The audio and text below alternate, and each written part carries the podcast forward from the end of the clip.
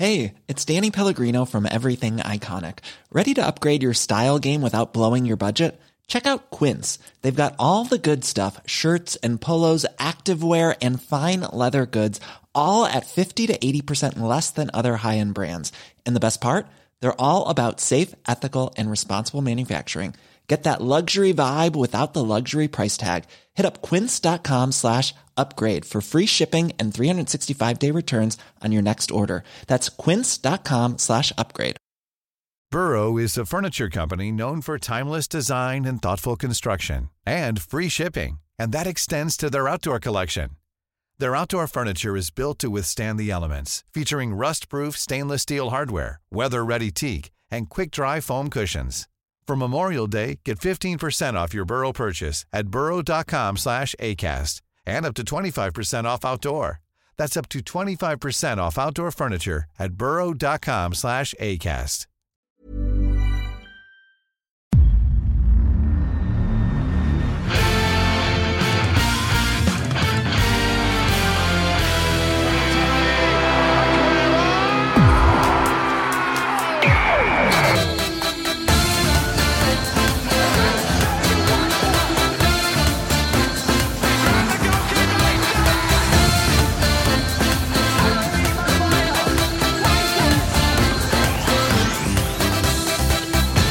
Säger vi hjärtligt välkomna tillbaka till ännu ett avsnitt av Rule Britannia. Det är söndag kväll den 19 november. Det har eh, inte spelats högoktanig Premier League-fotboll, men efter senaste avsnittet Fabian så har det ändå slagit ner en rejält stor fotbollsbomb i Premier League med tanke på det vi fick under fredagen till oss med Everton och situationen där. Jag trodde för en sekund sedan att du skulle börja prata om Victor Lindelöfs insats eh, mot Azerbajdzjan i, eh, i torsdags, men det var, det var också en bomb, en, en helt annan typ av bomb eh, kan man väl lugnt säga. Nu... Mer, mer en bomb man kanske såg framför sig skulle explodera vid ett tillfälle. Ja, nej, men det, jag, jag finner inga ord. Nu, vi spelar in i halvtid nu, andra halvlek drog precis igång på den extremt intressanta matchen. Att vi sitter och poddar samtidigt som Sverige möter Estland säger nog lite, men nej, som, som du säger, eh, mycket, eller det har inte hänt mycket, men det har hänt en stor sak och eh, vi kände ju direkt, alltså man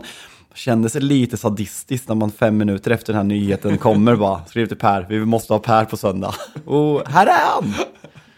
Ja, här är eh, Per Malmqvist stolt är med oss igen. De som de som är liksom, ja, vettiga människor och lyssnar på Rule Britannia två gånger i veckan precis som man ska så har man ju hört dig tidigare. Och eh, för bara några veckor sedan så pratade vi om ett Everton som eventuellt befann sig i ett mm, ja, någorlunda mörkt rum, rent sportsligt och prestationsmässigt, så har det ju faktiskt liksom öppnats gardiner, släppts in lite ljus, det har börjat se bra ut, men det har ju också hängt den här filten över er. Och i fredags eftermiddag så small det till med att ni nu, och jag var tvungen att gå in och dubbelkolla i tabellen på Premier Leagues hemsida, men jo, 10 poäng är borttagna. Och uh, mm. hur fan uh, börja med hur det kändes att ta emot de här uh, nyheterna? Det var ju jobbigt tycker jag. Alltså, framförallt så gick det så väldigt fort. Man har ju vetat att det här har varit på gång och att det, det liksom diskussionerna förts och, och den här eh, vad ska man säga, Premier League-kommittén som har bildats har tittat på det.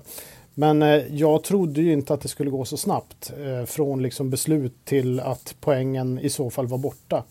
Och 10 poäng är väldigt mycket. Det, det ska man vara medveten om, speciellt med tanke på hur vi har kämpat mot eh, nedflyttning de senaste två säsongerna. Men eh, nu ser ju det rätt bra ut. Alltså Sean Dyche har ju fått eh, ordning på laget och Eh, Everton är ju väldigt jobbiga att möta nu. Så jag tror ändå att vi kan klara den här 10 poängaren men det är många andra saker som gör att det här eh, är liksom besvärligt. Och ja, vi, vi ska såklart komma till eh, väldigt många av de där olika sakerna. Jag, jag tror ju att många, kanske framförallt också då om det, eftersom det är en landslagshelg, man kanske har checkat ut lite så här, man har ju bara fått infon till sig ungefär att okej, okay, Everton blir av med 10 poäng och vi ska inte fastna heller i det fullt tekniska och vilka exakta bokföringsdetaljer man bråkar kring. Men det vi kan konstatera är ju att Premier League Vissa tänker säkert bara, ja men det är väl Financial Fair Play man har brutit mot. Nej, det är ju Premier Leagues egna system. Financial Fair Play är en Uefa-del i det. Och eh, det som Premier League kräver det är ju att man eh, redovisar, eh, ja, men, släpper sin ekonomiska rapport egentligen till ligan varje år och över en treårsperiod så får man inte ha ett större ja, men minusresultat än 105 miljoner pund. Det är den, liksom, bara om vi bara börjar med en röd linje mm. som Everton har brutit mot. Och eh, där ska ju verkligen sägas, vilket jag tycker borde vara förmildrande omständigheter, det är ju det sista av de här åren kommer ju under covid-pandemin och mm. därmed drar jag ner över, om vi säger ruinens brant till slut. Den räknas ju inte heller, det vet vi med ligatitlar.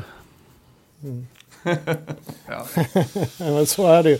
Och det, det, det, alltså det som Everton övertrasserar det här med det är ju då 19,5 miljoner pund eller liknande. Jag tror de landar på 124 eller något och så. Det är ju tydlig överträdelse. Och de själva erkände ju att det var någonstans runt 9 miljoner pund. Men det är ändå inte liksom det är inte supermycket pengar. Eh, och, och, den här 10 poäng, det är väl liksom en habil truppspelare som kostar så mycket. Men, eh, så att det, det, det sveder rätt hårt den här poäng, det här poängavdraget. Och dessutom är det ju så att man det är ju verkligen att eh, det är revisorer, ekonomer och jurister som dribblar med siffror och i princip så blir det ju liksom någon form av rättslig tillställning där den starkaste rättsliga argumentationen går igenom och där var Everton svagare än Premier Leagues eh, representanter. Eh, och det som, det som är, till exempel man försökte dra av kostnader för arenabygget, eh, vilket liksom kanske inte alltid stämde. Lån kom direkt från Farad Moshiri, vilket det helst ska komma från en bank. Eh, man var tvungen att, att avsluta Gylvi Sigurdssons kontrakt när det blev han blev eh, anklagad för, eh, eh, för brottmål och sen så var det ju också Usmanov, deras oligark som skulle vara en stor sponsor, försvann ju tack vare eh, kriget i Ukraina eh, och covid på det och så vidare. Så att många pratar om en perfect storm för, för Everton med alla dåliga saker som inträffar ungefär samtidigt. Men det Premier League säger det är ju helt enkelt att Ja, men ni har, ni har varit medvetna om det här och ni har i princip fuskat. Ni har överträtt det här, ni har försökt dölja det, men vi, vi, vi har inte gått på det. Och det är så det ser ut.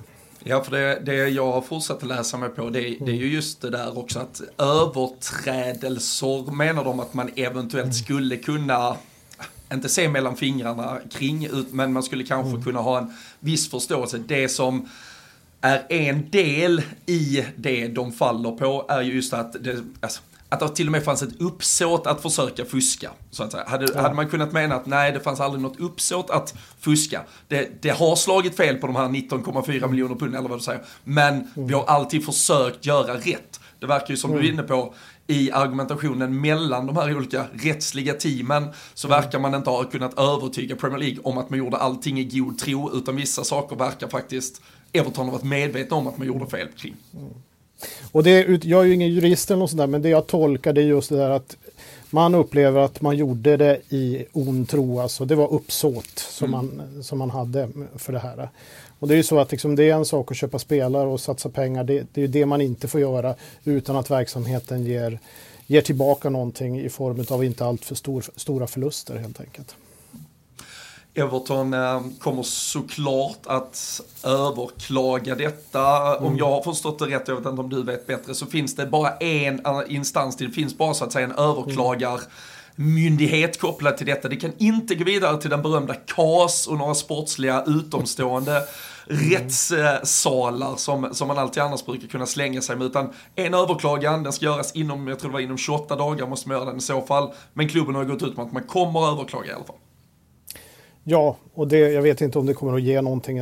Återigen, jag är ingen jurist, men jag har svårt att se. Alltså, om man ska överklaga så måste man ju inkomma med någon form av starkare bevisning eller någonting. Och, ja, det tror jag inte de kan göra. Jag vet inte. Nej. Så det är nog kört. Fabian, eh, vi, eh, vi satt ju för bara några dagar sedan i, eh, jag tror det var i torsdagsavsnittet när vi satt och snackade om nykomlingarna och vi, vi har väl återkommit till det hur, hur svaga de ändå är.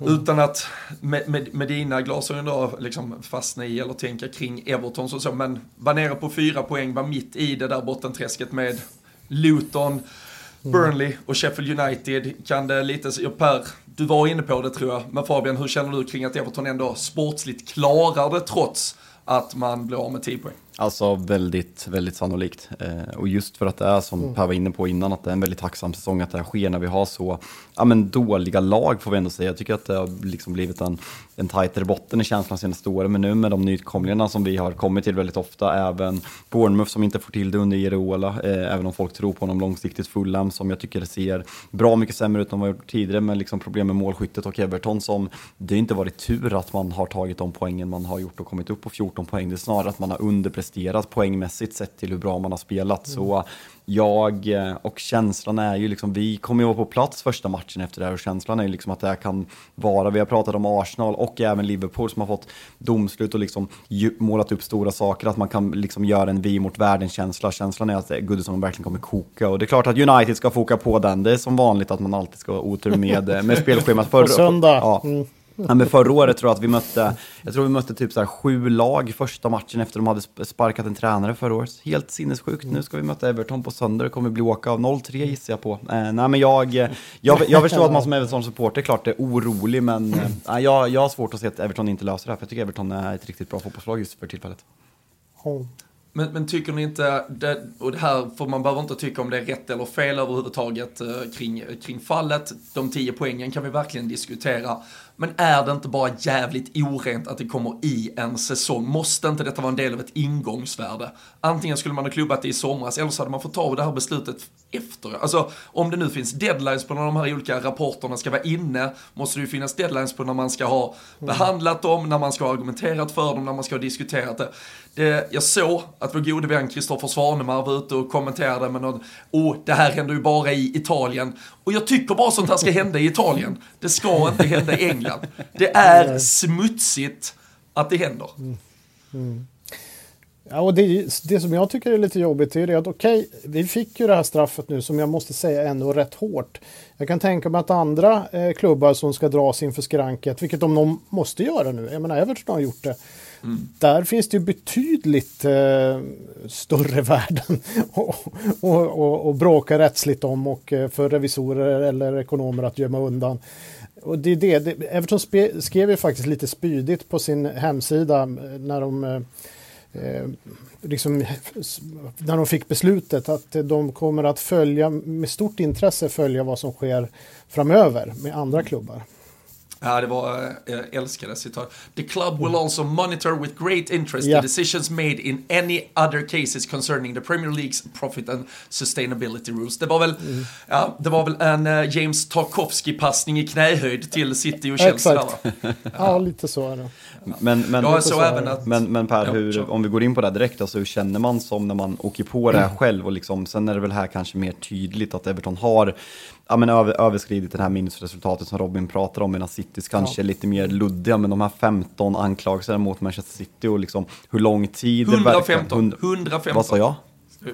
15. Lät det som. Det är kanske jag som är Ja, jag, jag menar 115 i alla fall. Eh, eh, såklart, såklart. Nej, men just att det här känns som att det liksom har legat upp ut, man har inte vetat riktigt vad som händer och sen bara bam så kommer det. Det var väl någon kille, någon med typ 2500 följare som började skriva att de skulle få 22 poäng och bara så här, men han, hur ska han veta det här först av alla? Och fick spridning och sen så, men bara några dagar efter så kommer det här med 10 medan City liksom, Uefa liksom blev de dömda och uteslutna, sen överklagades det, man friades, nu är de här 115 överklagelserna i ligan och det känns som att det bara tar tid och tid. Känns det frustrerande att man som en mindre mäktig klubb, även om man har historien på sin sida, blir liksom dömda så fort kontra Chelsea, vad man har anklagas under, under Roman och även nu eh, City under de här eh, reglerna som man har brutit.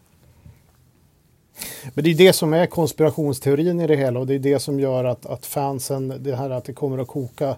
Det är ju faktiskt så att det var ju någon som spelare också som gick ut och sa att det här var ju Premier League har ju faktiskt lyckats ena hela klubben. Äntligen när alla, både ägare, fans och, och eh, spelare på samma sida och det kommer att ge det kommer att, att, ge stor effekt framöver. Och dessutom finns, ja, det, det vet ju du Robin, det finns ju liksom en i, i, på Merseyside så finns ja, det en mentalitet om att resten av världen hatar Merseyside. Alltifrån Margaret Thatcher försökte, skulle helst ha velat asfaltera över, över stan i, i, i början av 80-talet på grund av att alla möjliga saker, hon la gruvor och så vidare. Men, eller la ner jobben i hamnen. det, det ena med det tredje. Nu ska vi inte bli politiskt men det här gror, det gror ju hela tiden. Det behövs så lite för att det där ska liksom eh, komma till liv igen. Och det här är en typisk sån sak att alla hatar oss, de gillar inte oss på Merseyside, ja, då sluter vi samman och, och eh, går emot resten, Nej, men, vi gör dem. Nej, där, där, där, finns ju, där finns ju de här bild, bilderna från hur ett, ett blått och, och rött Merseyside har kunnat enats kring kring alltid när det blir de större sakerna än det rent fotbollsmässiga. Och, mm och här finns det ju såklart ett egenintresse för varenda Liverpool-supporter att framförallt se till att Manchester City nu med detta som någon form av incitament straffas ännu hårdare. Men det känns också lite när, när jag tar del av rapporteringen från den röda delen av Liverpool så att säga, där det är lite, alltså slå inte på vår lilla, alltså det finns också mm. ett, ett skyddande element i det där klubbarna mm. står upp lite för varandra. Jag såg Steve Rotherham eh, som är, han är väl Labour-ledare uh, tror jag på, mm. på Merseyside, liksom. men som är, där han då gick ut och skrev att ja, men, de kommer ha stadens support i en överklagan mot Premier League, bla bla bla, och så var det ju någon då direkt som gick ut, åh, vad va, va, va överraskande, men Liverpool-politiker som skyddar Everton, ja men han är ju en Liverpool-support, han är inte en Everton-supporter, utan nej. Som, alltså staden kommer absolut mm.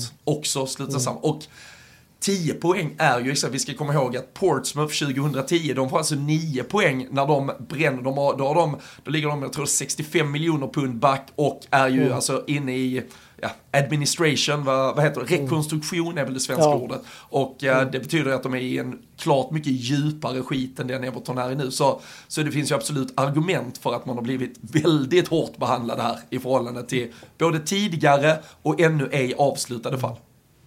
Och det finns en annan, tycker jag, spännande liknelse. Jag såg någon hade lagt upp att det finns tydligen bara ett Premier League-lag som har klarat sig kvar Eh, Eh, och nu pratar jag bara Premier League-perioden, eh, fast man hade med så här låga poäng vid den här tidpunkten, men ändå klarade sig kvar i Premier League. Och det var tydligen Everton 1994-95. Jag, jag, kan inte bekräfta att det är helt sant, men det, jag såg det i alla fall.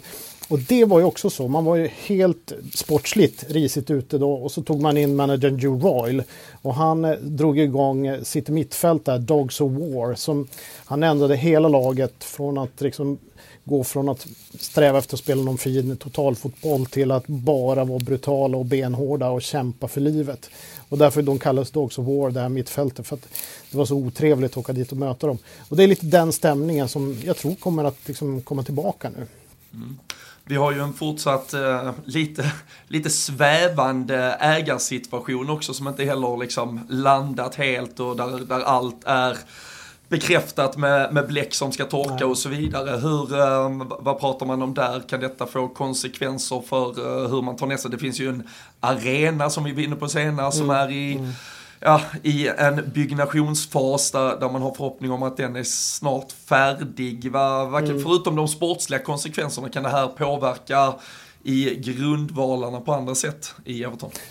Ja, det tror jag definitivt. Det, som, det som man är mest rädd för, som jag har förstått, det är ju att eh, de här eh, andra klubbarna, Leicester, Leeds och eh, Burnley, nu, nu får ju de fått lite så att de kan gå vidare och stämma Everton. Och skulle Everton då få ett så pass tungt straff av, på grund av den här stämningen, då är det ju så att de nya ägarna har kanske inte möjlighet att betala det. Och då faller ju hela liksom affären eh, är ju då i gungning. Och dessutom så är det ju troligtvis så att Everton då skulle kunna gå in i administration, alltså det här det är någon, en engelsk variant där man är mellan konkurs och strax innan konkurs. Um, och eh, då, eh, då blir det ytterligare poängavdrag. så då, jag vet inte, det, det, det, är mycket som är som fortfarande är osäkert. Och det är ju läskigt det här när beslutet kom så snabbt och det blev bara Everton och det blev ett rätt tufft beslut. Ja, men det är klart att då vet man ju inte riktigt vad som händer i de här rättsliga instanserna. Eh, jag ser liksom inga linjer. Det rimliga är kanske att de som har flest anklagelser emot sig eller flest saker, de borde på något sätt eh, de borde på något sätt först få straffen. Jag, jag, vet inte, men någonting. Det, finns, det är som att det bara dyker ner från ovan de här besluten. Gällande det där som du är inne på med det där, att det pratas om Leeds och Leicester bland annat. Eh, mm. Jag såg att det, att det var Daily Mail som typ breakade den, den nyheten. Är det några ja. seriösa eh, som har rapporterat ja, om det här? Ja, men så är det absolut. Ja, fast. Leeds, Nottingham, Southampton, Leicester och Burnley som har varit involverade i dem. Mm två, tre senaste åren där när ni precis med nöd och näppe har klarat sig. Mm. Alla de, eh, det inte att de kanske kommer att göra det, men det är samma sak den här 28 dagars perioden. Jag läste The Guardian gjorde en väldigt bra och tydlig sammanställning där. De har alltså rätten att söka ett, mm. vi kan kalla det skadestånd. Sen är det inte helt tydligt där kring huruvida det är ligaorganisationerna eller Everton eller var exakt de pengarna ska komma ifrån och hur de eventuellt ska komma. Men är det där typ, alltså om vi bara, jag, jag, jag, förlåt men jag, jag kommer inte ihåg om eh, vad resultatet var men det var ju liksom Sheffield United åker ju ut när Carlos Tevez räddar kvar West Ham säsongen 06-07. Och sen när det visar sig att West Ham har värvat den här konstiga liksom värvningen av eh, Xavi Mascherano och Carlos Tevez på olagliga grunder så stämde ju Sheffield United West Ham på väldigt stora summor för att de hävdade att Carlos mm. Tevez sköt dem kvar i ligan. Det, det är åt det hållet vi är, vi är här eller? Mm. Eh, som jag har förstått det så är det bara en del just i den här, eh, alltså det, det regulatoriska kring den mm. ekonomiska säger, brottsligheten inom citationstecken. Där det då finns en påföljd där klubbar som känner att de har dragit någon form av nackdel på grund av att klubbar har finansiellt dopat sig, återigen inom citationstecken, mm. med tanke på vilken fotbollsvärld vi lever i. Så, så det är väl därför. Men vi, alltså, jag, jag kan ju inte känna att det egentligen Liverpool, Everton kanske att betala dem. Men ja. Fan. Nej men det, det, det, det som är det är att det sprider tycker jag på den här osäkerheten eftersom mm. det här kom så snabbt och plötsligt.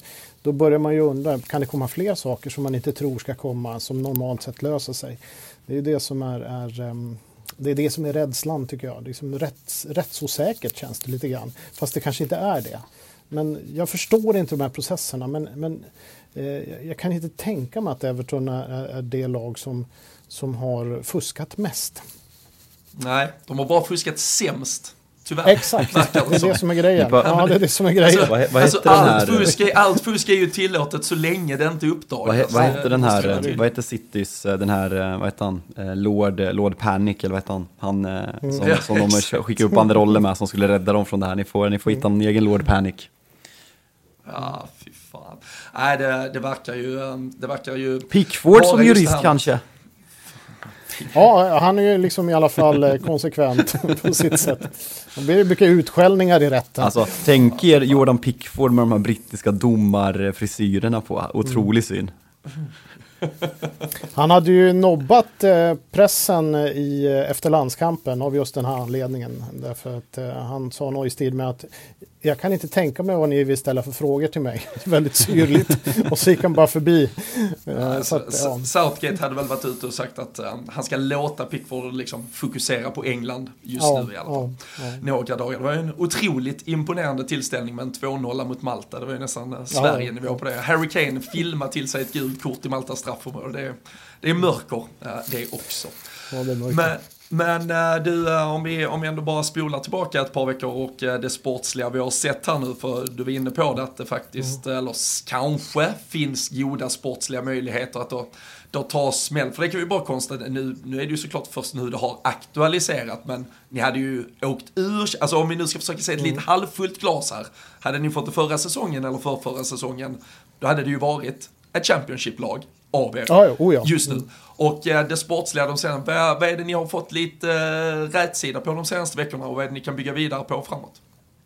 Men det finns en struktur, en idé i spelet. Man kan väl tycka att den är tråkig då, men den är, den är, den är tydlig och eh, det är så att hela laget har köpt den här strukturen i idén. Det är det som jag tycker har saknats i tidigare eh, upplagor av Everton. Det vill säga att man märker att alla spelare har inte köpt liksom, hur man ska spela och då uppstår det ju problem och luckor och det ena med det tredje. Men, men här är det verkligen så. Alla gör sitt jobb. och jag tycker det är, vi är jättejobbiga att möta nu. Man nästan ser på motståndarlagen. Och Daesh, vi är dessutom rätt giftiga när vi går framåt eh, på omställningarna.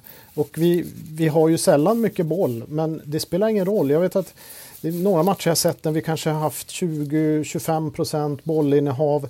Men jag har aldrig känt mig så, så där eh, jätteorolig för att vi ska släppa in ett mål utan det är på något sätt att man har koll på läget eh, hela tiden. Jag, jag, är väldigt imponerad hur, hur Daesh har fått ihop det här och hur han har fått spelarna att, att eh, förstå och jobba. Sen tror jag att Dominic Calvert-Lewin som center är en nyckel för det är en väldigt eh, smart spelare. När man ser, han får ju dra tungt last. Det är många uppspel som han måste suga tag på helt själv. Men han klarar det. Han gör så många smarta saker hela tiden. Så det är ju en helt annan grej än att, att, att ha honom där uppe än, än de spelare som vi haft tidigare. Ja, jag, jag, förstår det. Hur, eh, för, förutom att du känner att eh, allting alltid går åt helvete för er del eh, Fabian, hur, hur rädd alltså, är Robin, du för Robin, Everton på Goodison? Robin, nu, nu lugnar vi ner oss. Jag vet att det har varit ett landslagsuppehåll och man kanske har glömt lite, men ska jag påminna vilka som har bäst form i hela Premier League? Ja, det, men, och Everton är väl typ trea på samma formtabell. Ja, fyra. Ja, nej, vi ska se, vi, jag säger det igen, vi ska se fyra av de fem eh, formstarkaste lagen i, i hela England nästa. Nej, men eh, vad var frågan? Jag glömde. Om, om, om du på allvar faktiskt är eh, rädd för Everton på söndag. Ja, alltså verkligen. Alltså, jag, jag är ju pessimistisk supporter i, i, i grund och botten, men jag håller Everton som favorit i den här matchen just för att Alltså dels är man jävligt svårslagen hemma på Goodison. Det är man ju liksom eh, med eller utan straff då den här säsongen och när man även har fått igång målskyttet lite offensivt kontra de två tidigare säsongerna och Manchester United som jag inte alls tycker ser bra ut även om man hade en bra 25 minuters period mot FCK men Onana skadad igen och Everton med den här stämningen i ryggen som man kommer få med, efter det här beslutet så eh, jag ska säga något lag så säger jag ändå Everton in, inför söndagens match, det gör jag. Mm. Tre av fyra kommande matcher Per. Det är alltså United hemma, det är Newcastle hemma, det är Chelsea hemma, det är en tripp till Nottingham som trycks in däremellan. Det är ju sportsligt Tio utmanande poäng. matcher som väntar.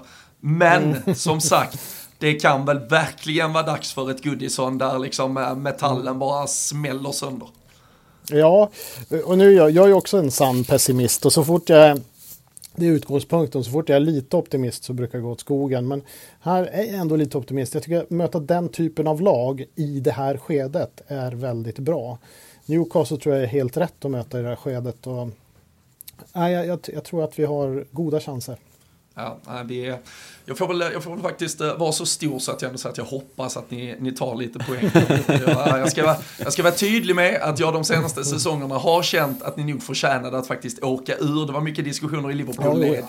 Att eh, ja, men vi måste ha kvar dem för derbyt och sådär. Nej, med tanke på hur många av de där derbyna ser ut så kände jag att jag slipper dem gärna eh, faktiskt. Men eh, nej, fy fan. Och eh, Mykolenko har ju blivit eh, målskytt av rang också där framme. Ja, ja, han liksom, kommer flygande på kanten. Så eh, det är en jävla Leighton Baines eh, i prime igen där. Nej, otroligt, otroligt.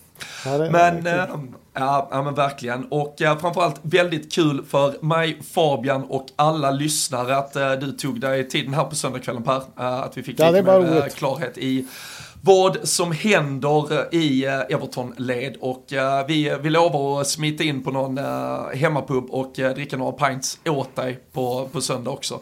Även Ja, det måste ni eh, göra. vi, Ja, men det- vi, vi smi- smiter in lite i fiendeland. Ja, men det, eh, det, det, det ska vi göra. Vi kan redan nu pu- pusha. Det blir alltså avsnittet som kommer om en vecka. Vi har ju tänkt att eh, vi tar med oss lite portabla mikrofoner, kör lite livepodd, inte livepodd, men spelar in under resan lite från olika dagar. Och då har jag även tänkt att ta med och liksom ta tempen på Everton-supportrar, kanske framförallt och prata om sådär. Så det kommer nästa vecka där vi liksom får ja, men Everton-greppet från Merseyside på just den här frågan. Så det ska bli kul. Eh, Så, ja. Det ska vara en fullständigt rabiat jävla Everton-supporter som måste och skriker på oss utanför Vi, arenan. vi, vi, vi vill hitta en sån, vad, vad är den här klassiska efter, eh, vilken, vilken är det? Den här svenska supporten som är galen i, är det Kia, nej Frankrike under Hamrén. En sån vill vi hitta. Ja.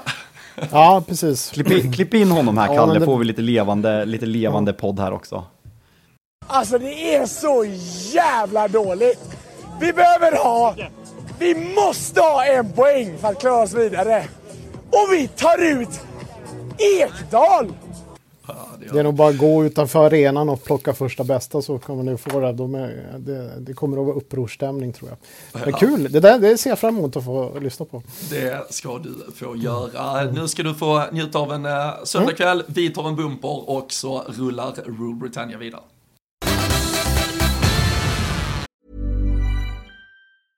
Ready to pop the question? The jewelers at BlueNile.com have got sparkle down to a science with beautiful lab grown diamonds worthy of your most brilliant moments. Their lab grown diamonds are independently graded and guaranteed identical to natural diamonds, and they're ready to ship to your door. Go to BlueNile.com and use promo code LISTEN to get $50 off your purchase of $500 or more. That's code LISTEN at BlueNile.com for $50 off. BlueNile.com code LISTEN. I'm Sandra, and I'm just the professional your small business was looking for. But you didn't hire me because you didn't use LinkedIn jobs. LinkedIn has professionals you can't find anywhere else, including those who aren't actively looking for a new job but might be open to the perfect role, like me.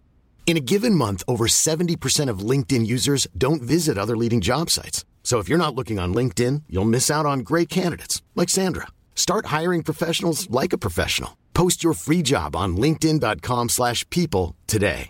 Burrow is a furniture company known for timeless design and thoughtful construction and free shipping, and that extends to their outdoor collection. Their outdoor furniture is built to withstand the elements, featuring rust-proof stainless steel hardware, weather-ready teak, and quick-dry foam cushions. For Memorial Day, get 15% off your Burrow purchase at burrow.com slash ACAST and up to 25% off outdoor. That's up to 25% off outdoor furniture at burrow.com slash ACAST. Ja, det var eh, fan, eh, det, det känns, känns alltid som att vi fångar Per i, eh, det, var, det var när Everton var som sämst under tidig höst, då var det det totala mörkret där vi skulle reda ut och nu efter 10 poäng, måste vara svårt som supporter egentligen överhuvudtaget att ta in, eller vad känner du? Ja, jo, men alltså surrealistiskt som, som du sa, det här ska ju hända i Italien. Det känns liksom som att sånt här händer inte i, i Sverige. Och sen är det ju så här, alltså det börjar nästan bli så här att folk, supportrar som får en notifikation från dig eller mig, då vet man att det går åt helvete för ens lag. För vi vill ju inte, vi vill ju inte ringa, vi vill ju inte ringa Petter Landén när City har vunnit 15 raka matcher. Det är ju olidligt. Alltså det, det, går, det går inte och sen ska han sitta där och skriva att han hellre åker ut i Championship och posera. Det, det orkar jag inte höra på. Så det blir liksom, vi vill ha blod och det är när notifikationerna kommer, när det plingar till våra namn, då, då är det blod som, som, som suktas. Men eh, nej, som sagt, Per är jävligt, jävligt eh, kunnig och eh, alltid intressant att lyssna på. Så, men som du säger också jävligt svårt att ta in och det känns liksom som att man Alltså jag, man måste vara frustrerad. Alltså jag vet ju du som en Liverpool-supporter eh, som har kampats mot City väldigt mycket eh, under den här tiden, senaste, senaste femårsperioden. Alltså hur frustrerad du kan vara över de här 115 eh, eventuella överträdelserna. Alltså hur man känner som Everton-supporter nu när man åker dit på en sak och blir av med 10 poäng direkt. Och liksom det, det är många som vill samla billiga likes eh, på, på Twitter och liksom räkna ut hur många, hur många, hur många poängavdrag Manchester City får och vilken, vilken eh, division man skulle hamna i. Men det är, liksom, det är klart att man, att man känner den känslan som, som Everton-supporter i det här läget. Ja, och eh, alltså, vi, man kan bara konstatera, alltså, det är ju som sagt, det är ju fortsatt öppna 115 fall som City är ute. Det är ju inte så att 80 av de här har försvunnit, alltså det känns ju nästan så för att det har varit så utdragen process, så man känner lite att har allt bara sopats under mattan, men det, det har det ju inte. Det finns ju faktiskt fortfarande 115 fall där dum ska falla och eh, Chelsea, där har det ju bara under senaste veckan dykt upp väldigt mycket nyheter kring hur man mellan 2012 och 2019 har betalat ut alltså tiotals miljoner pund via alltså företag som ägs av Roman Abramovic och eh, inte gått via eh, Chelsea. Och City som dessutom då ju kom i förra veckan med rekordsiffrorna uh, vad gäller uh, omsättning och intäkter och uh, hur det har tvättats genom olika företag. Liksom, jag, jag skulle inte säga att det har gjort det. det. det. får ju också helst den här utredningen visa. Men finns där 115 fall av åtminstone o alltså, oklarheter så finns det nog fan i alla fall ett eller två fall av där det har varit helt. Och det läste en bra krönika, alltså om det här nu var, det här var ju förskalvet och jordbävningen kan ju vänta på Manchester City eller Chelsea. Men vill man vara, och jag förstår ju Per att man känner sig konspiratorisk, så, så tror man väl ändå att de här klubbarna kommer komma undan med Ja, alltså det, det gör man väl. Sen samtidigt, en del av mig kan väl känna liksom att skulle de komma undan med det så skulle det vara, ja, men det skulle vara så, alltså, folk, de skulle få så mycket emot sig och liksom folk skulle tappa förtroendet fullständigt för den här ligan. Så jag, jag vet inte, sen det, är så här, det är så jävla dålig podd att sitta och spekulera eh, är det också. Eh, så det är svårt, vi får helt enkelt vänta att och se. Vilket roligt uttalande i en podd att säga att man ska vänta och se för att tycka någonting.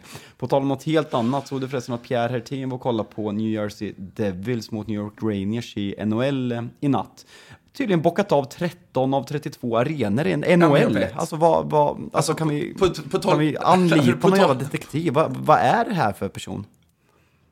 Nej, alltså på tal om blod man vill se, det, alltså Pierre Hartin också. Du, alltså, du vill se hans blod? Ja, alltså när, äh, men när man själv traskar runt i ett så jävla dyngblött, tråkigt, hemskt mörkt Skåne och det enda man får från honom är några jävla paraplydrinkar från Cozumel och sen från Bahamas och sen plötsligt sitter han och kollar någon hockeymatch i New Jersey. Det, nej, fy fan, han, eh, han, har det, han har det alldeles för bra och uh, vi, uh, det, ja, alltså vi hoppas väl alltid att Arsenal förlorar fotbollsmatcher. Men två, tre raka dåliga resultat så att han får sitta här och skämmas en timme. Det känns som liksom, det vore väl i alla fall det enda rättvisa i världen. Och just att han var uppbokad när, efter den här matchen mot Newcastle, så han fick skicka sin, sin kompis också, när vi stod där liksom med macheterna redo att slakta honom, skicka en gris till slakt.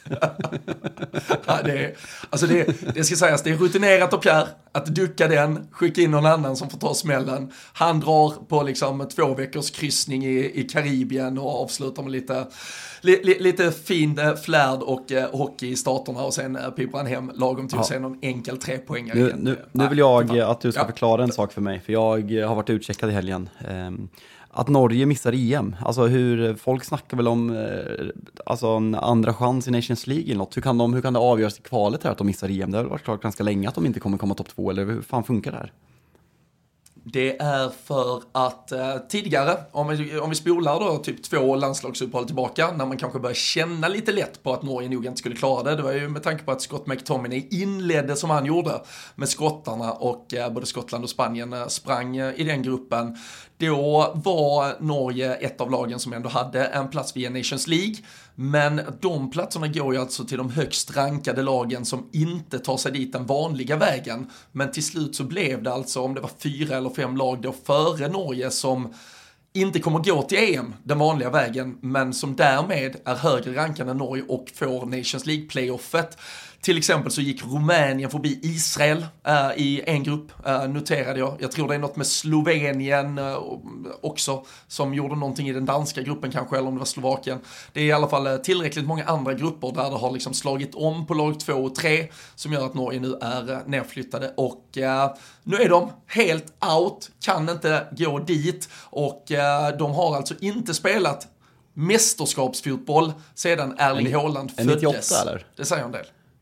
2000 EM. Ah, okay. Ja. Men eh, VM 94 och 98 ja, och sen Jag var på väg att börja citera VM-krönikan när Kjetil Rekdal eh, gör mål mot, eh, mot Brasilien det, det senare. Jag, ja, men jag måste ge dig, du, du kan vara provocerande ibland, man kan irritera sig ibland, men det är sånt här, här är du fin, här är du stark. Att jag, bara, jag kan läsa en rubrik på Twitter, jag kan skita i att köra någon källkritik, sen bara slänga ut frågan och jag får två minuter precis svar som det är. Det, det uppskattar jag med dig. Slipper jag göra gnugget. Ja, ja. Så, så är det. Du, jag tänker bara innan vi ska gå vidare så tänkte jag bara passa på att säga att vi som vanligt är sponsrade av eh, ATG. Det, det har inte blivit någon landslagsfotboll eh, för mig den här veckan eh, vad gäller att jag har lagt några spel, men däremot så följde man ju med stort intresse V75 6 igår från Eskilstuna-travet och det tror jag fan till och med att du gjorde och hade lite koll på. Ja, jag satt på tåget och kollade på vår, eh, jag tänkte säga vår kära adriatiker, men Thomas Wilbachers häst eh, som löpte ett stort lopp i Eskilstuna. Det var kul, liksom surfar in på ATG på, på telefonen och kan kolla live på trav och man, eh, man är nästan en expert när de, när de börjar prata där hur hästarna ser ut på uppvärmningen och det här är vi stenkoll på efter vår heldag på Solvalla. Så det var, det var kul att man, att man har lärt sig det där. Nej, fan, har man lärt sig så mycket? Ja, men lite. Nej, men att man känner sig som en del i travvärlden helt plötsligt från att liksom känt sig Ja, ingenting. Eh, Så Man känner sig lite, lite vuxnare när man är en del av travvärlden än fotbollsvärlden. verkligen. Det Alltså, trav verkligen- för mig är ju bara pappa och hans kompisar satt eh, länge sedan och kollade på trav och jag har varit irriterad för att det var i paus när eh, gamla Tips Extra så kom det trav i paus. Men nu eh, omfamnar det, älskar, älskar och det är tack vare den här heldagen vi hade med, med ATG på Solvalla så det är jävligt kul. Ja, nej, verkligen. Själv, jag har blivit lite, vi har blivit ett litet gäng nu som uh, kör en V75. Uh, vad är det Jag ska inte avslöja hur det gick i, eh, just i, igår, det var, det var ingen höjdare. Men uh, börjat, uh, bör, börjat ta sig. Uh, så vi får se framåt om man skiftar helt till uh, hästapollarna istället för uh, fotbollen. Men uh, Adriatica tvåa, tyvärr då i eh, Breeders Crown, men eh, det, var, det var fint att se henne. Jag tror det eh, rasslade till lite ändå. Och vill man spela på hästar eller fotboll, och det är ju det vi oftast gör och det är det jag ska börja gnugga ihop en trippel till till nästa helg. Då tycker jag ändå att man ska gå in på atg.se och eh, man ska såklart alltid vara 18 år fyllda och skulle man ha problem med spel så finns stödlinjen.se. Vet du vilka som precis kom in i 85 minuten för Sverige? Jag antar att det var Hjalmar Ekdal för att han ska spela med Albin de sista fem minuterna. Nej, Koffe Olsson och eh, Robin Quaison. Ja. Har Hjalmar redan kommit jag vet in, inte, jag vet inte. Hugo Larsson är på plan i alla fall, En- så det är pikta Janne, han tänker på framtiden. ännu ett starkt eh, segment i eh, dagens eh, podd här. Men du, Onana skadad. Vi, vi pratar Höjlund och Eriksson senast, eller är det här en klassisk landslagsskada bara? Han, eh, han åker hem i alla fall från landslagssamlingen noterar jag. Alltså, man är väl lite orolig eh, helt enkelt. Alltså, City känns som att de har blivit det nya United. Alltså när liksom, Ferguson var fruktad av alla förbundskaptener och man visste exakt liksom, att var det en viktig match så fick de en liten känning och stanna hemma. City har ju blivit det där, Rodri klev av, Haaland klev av. Man kommer ju stå där på, på lördag på Etihad 12.30 när, när Liverpool och City kliver ut på den här planen. Det vet man ju, men eh, United känns inte så cyniska. Erik Ten Hag känns inte så smart på det här sättet. Så jag är lite orolig. Kanske vi får se den här turkiska målvakten som jag inte ens eh, vet vad han heter. Eh, får jag ändå vara helt ärlig med och säga att jag absolut inte kommer ihåg vad han heter. Eh, som, eh, Är det Bajindir? Ja, Eller något va? sånt. Ja, Typ. låter, eh, ringer någon klocka, aldrig sett honom spela en frame, så vi får se. Han fick ju inte chansen att stå i ligacupen, så bra med självförtroende inför afrikanska mästerskapen som väl spelas här i januari, eller när det är det? Du har ju bättre koll på det. här. United har inte tappat en enda spelare på Afcon på hur länge som helst, så det, jag har inte så jävla koll när det brukar vara. Nej, nej, men det, nej, det kommer en, eh, någon vecka efter årsskiftet. Men eh, Mohamed Salah är ju i eh, fullt jävla slag på tal om det. Det var väl Djibouti visserligen som var motståndet. Jag, jag har inte kikat in, men de är väl typ där Azerbajdzjan är på världsrankingen kanske. Så eh, fyra kassar där. Luis Diaz, två mot eh, Brasilien och Darwin Nunes en, eh, ja men fyllde på till 2-0 för Argentina. Så sju mål på tre eh, Liverpool-anfallare i slutet av förra veckan. Det bådar ju också gott för vad vi ska se på Etihad. Ja, kul för dig. Ehm, ja, jag vet inte vad jag ska säga. Eh, ja. Var du, eh, var du märkbart tagen av att Luis Diaz fick fira med sin pappa efter hans två? Nej, jag har inte, jag har inte sett det. Men det, det är klart att det, det, det är fint att, att se honom på plats. Att liksom när man får en, det är så lätt att läsa någonting, men när man får liksom rörligt på, på en sån här sak och liksom får se ett ansikte så är det klart att det, att det tar mer. Eh, så det, det är såklart jättefint för Luis Diaz att det, att det slutade lyckligt i den här situationen. Eh, det är det. Ja, nej, så är det absolut. Jag såg um, Kieran Trippier hade väl också lämnat den engelska landslagssamlingen, men det var, det var personal matters, jag vet inte riktigt vad det var. Och West Ham kan i alla fall vara glada över att de får hem Vladimir Sofal lite tidigare. Såklart att han och två landslagspolare hade gått ut och tagit en total bläcka i Olomouc lördag kväll och blev hemskickade från landslagssamlingen. Det, det, uppser, det var tiderna när de svenska landslagsspelarna tog sig rejäla fyllor och blev hemskickade. Ja, det, nej, jag ska, jag ska sluta såga svenska landslaget, jag är så trött, jag orkar faktiskt inte. Men ja, nej, sup mer. Alltså det är, vårt, det är vår uppmuntring till alla. Hofall min gubbe. Det, det låter bra det.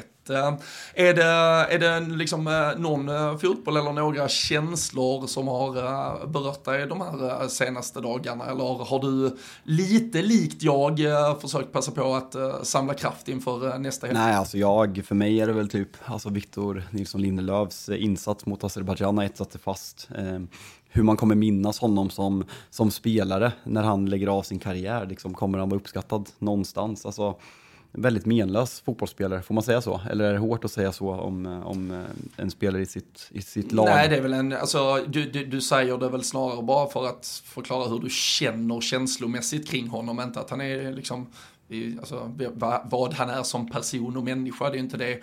Han är inte jätterolig som person heller, vad, vad man har sett i intervjuer och sådana saker om vi säger så. så lite åt det menlösa hållet där också. Sen känner jag honom inte privat, men ja, så, så måste vi ändå få säga. Nej, men det, det är bland det värre jag sett. Eh, Jag, jag skäms över att han spelar med Manchester United när han, när han gör den där insatsen och står och, eh, och säger som han gör som kapten efter matchen med noll pondus, noll självförtroende och eh, bara ser, nej jag vet inte vad. Ja, det där behöver vi inte ta mer.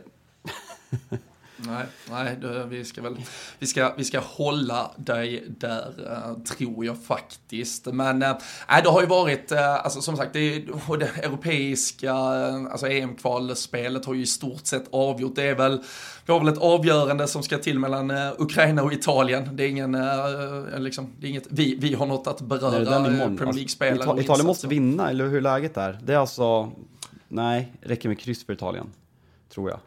Precis. Samma poäng Jo. borta. Ja, det är tufft. Nej, det, nej, fan.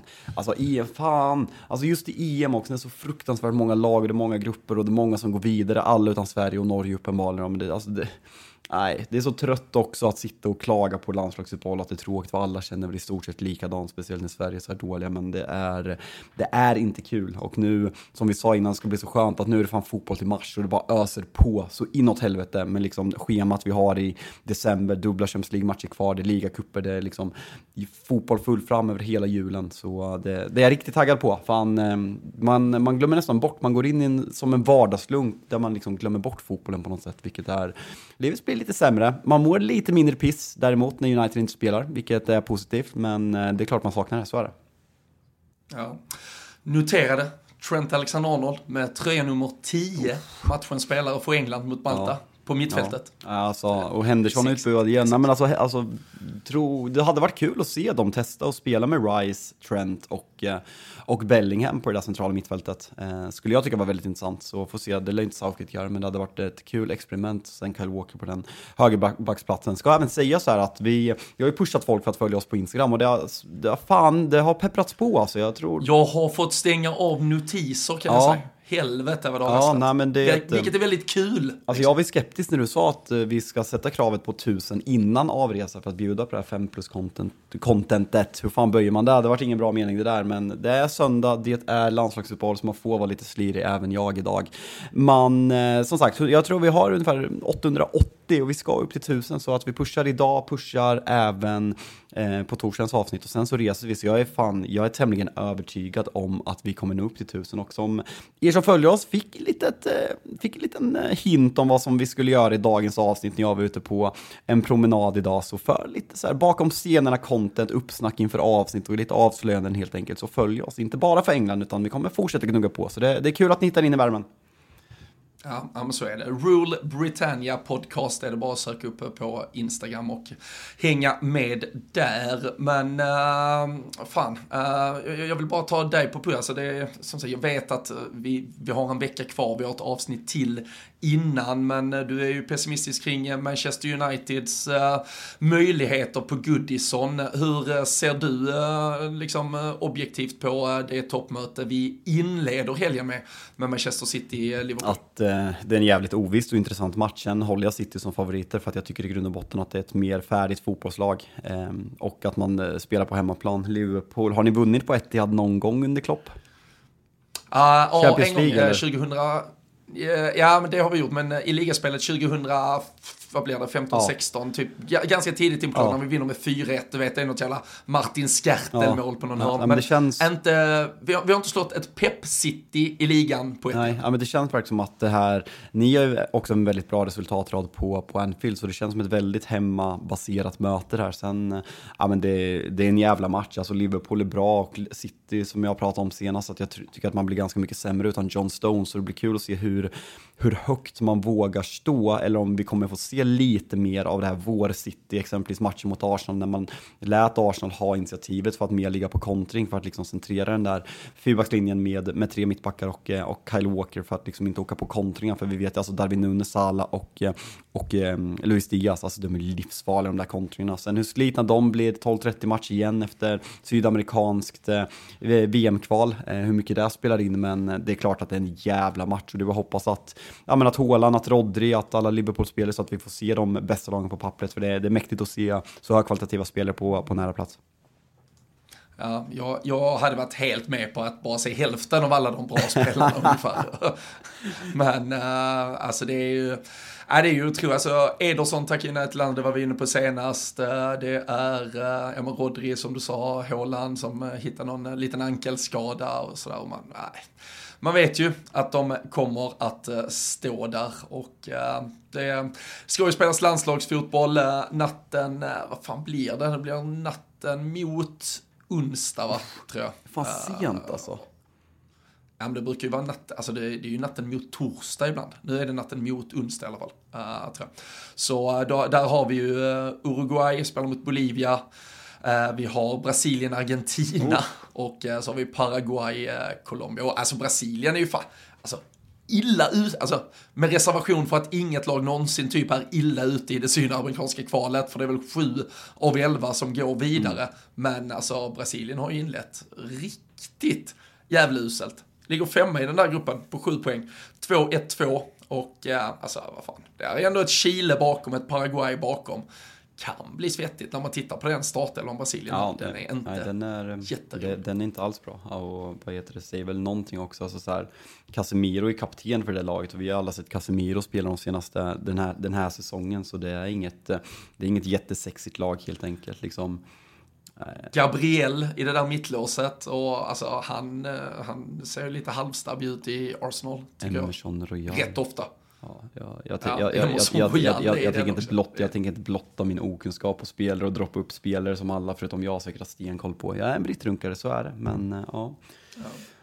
Nej, det är ett, eh, ja men det är ändå, alltså, Brasil, ett brasilianskt landslag ska inte bestå av liksom halvdana spelare för Premier League. Det, det känns fel bara, det, det tycker jag vi kan konstatera. Fan, ska vi göra men, så eh, Robin? Ska vi avsluta? Ska vi ta ett lite kortare avsnitt idag? Det är landslagsuppehåll, det finns inte så jävla mycket att prata om. Vi har pratat om Everton, vi har pratat med Per, vi eh, börjar ladda upp. Alltså min puls börjar faktiskt, jag börjar få lite resfeber. Jag börjar bli riktigt, riktigt taggad. Du vet så här, Alltså när det är så här fyra, alltså man bokar när det är två, tre månader kvar, det känns långt bort, man kopplar bort det. När det är tre veckor kvar, då känns det fortfarande ganska långt bort. Men nu, nu börjar det kännas på riktigt. Man börjar boka restauranger, man börjar planera in pubrunder. Det är jätte, man börjar få en namn, man börjar se sig själv sitta där. Så nej, fan vad fint. Om, vad blir det? Om eh, fyra eller fem dagar, jag orkar inte räkna. Eh, på fredag eh, vid lunchtid så sitter vi i Nyhamn och, eh, och tar en lunch och eh, tar vår första öl på resan innan flyget lyfter från, från Kastrup. Det, är jätte, det ska bli så jävla fint. Ja, nej, det ska det vara. Jag har preppat, vi, vi har ju med oss faktiskt, vi har ju alla två, liksom, två liksom extra, extra gäster som kommer att smita med oss. Så vi kommer ändå vara en fantastisk fyra stundtals. Nu har jag preppat lite, lite tävlingar också. Jag ska sätta dig på prov mot våra två prospects som, som är med. Det är Premier League-tema på detta, så det kommer också redovisas i den, kanske redan under det live, liksom, live-delar vi, vi spelar in, eller så blir det hänga efteråt. Men ja, men det är dags att uh, steppa upp liksom. Du ska visa vad 50 avsnitt av Sveriges bästa Premier League-podd har uh, gjort med dig. Och uh, som du sa, du sitter här med ett levande uppslagsverk. Så mata, liksom, ta del av informationen, ju, lär dig. Ta det vidare. Jag fick ju briljera senast i alla fall när jag liksom började prata om uh, målskytt, Chris Eagles målskytt mot Everton 0607. Och så långt tillbaka ska vi inte igen. Fan, det, var, det, det är knappt, knappt, knappt att uh, Oscar som ska med oss var, var född då. Jag vet inte. Ja, kanske. Jävla ung känns Kanske. Ja. Ja, hoppas, näst näst kändast i, Växjö. näst ja, kändast. Ja, team 1. Tim etta, Oskar två, så, så är det. Men eh, nej, vi, eh, vi gör som så. Vi, vi säger stort tack för att ni har lyssnat. Det är eh, framförallt allt det kring Everton som är på agendan just nu. Vi får väl se om det blir någon klarhet här under början på veckan i förhållande till överklagan och annat som ska in och huruvida de här klubbarna som påstår sig ha ja, men, dragit kortare strån på grund av eh, vad vad Everton har sysslat med, om de också kommer in med, med klagomål och eh, skadeståndsansökningar och vad det kan eh, leda till. Så eh, är det bara för er att eh, hänga med på resan framåt. Följ oss på Instagram, som sagt, lyssna på poddarna, sprid att de är jävligt, jag såg ju förresten en, måste jag säga, shoutout, han, eh, han hade tipsat sin pappa om att eh, lyssna på podden. Fick han, ju, fick han svar sen eh, två, tre dagar senare. Du, jag, jag tror jag såg han där som är med i podden och Tutu Live och det där på Systembolaget i Staffanstorp. Det är ju alltid trevligt att få Vad det köpte du? Eh, det måste, det var, jag tror det var, Explorer. jag, jag var där för, eh, Explorer nej, jag var där för tio dagar sedan. Min, min kära pappa fyllde år förra helgen, så jag tror det var förra fredagen jag var där. Köpte jag en, eh, en god ölkorg till Ja, honom, är en fin blandning, så han eh, kunde stå ut med under, under helgen. Så nej, men uh, shoutout till våra lyssnare som sprider till sina föräldrar att de också ska lyssna. Det, det blir vi väldigt glada över. Men nu stänger vi igen för idag. Vi säger stort tack för att ni har lyssnat och eh, så hörs vi snart igen.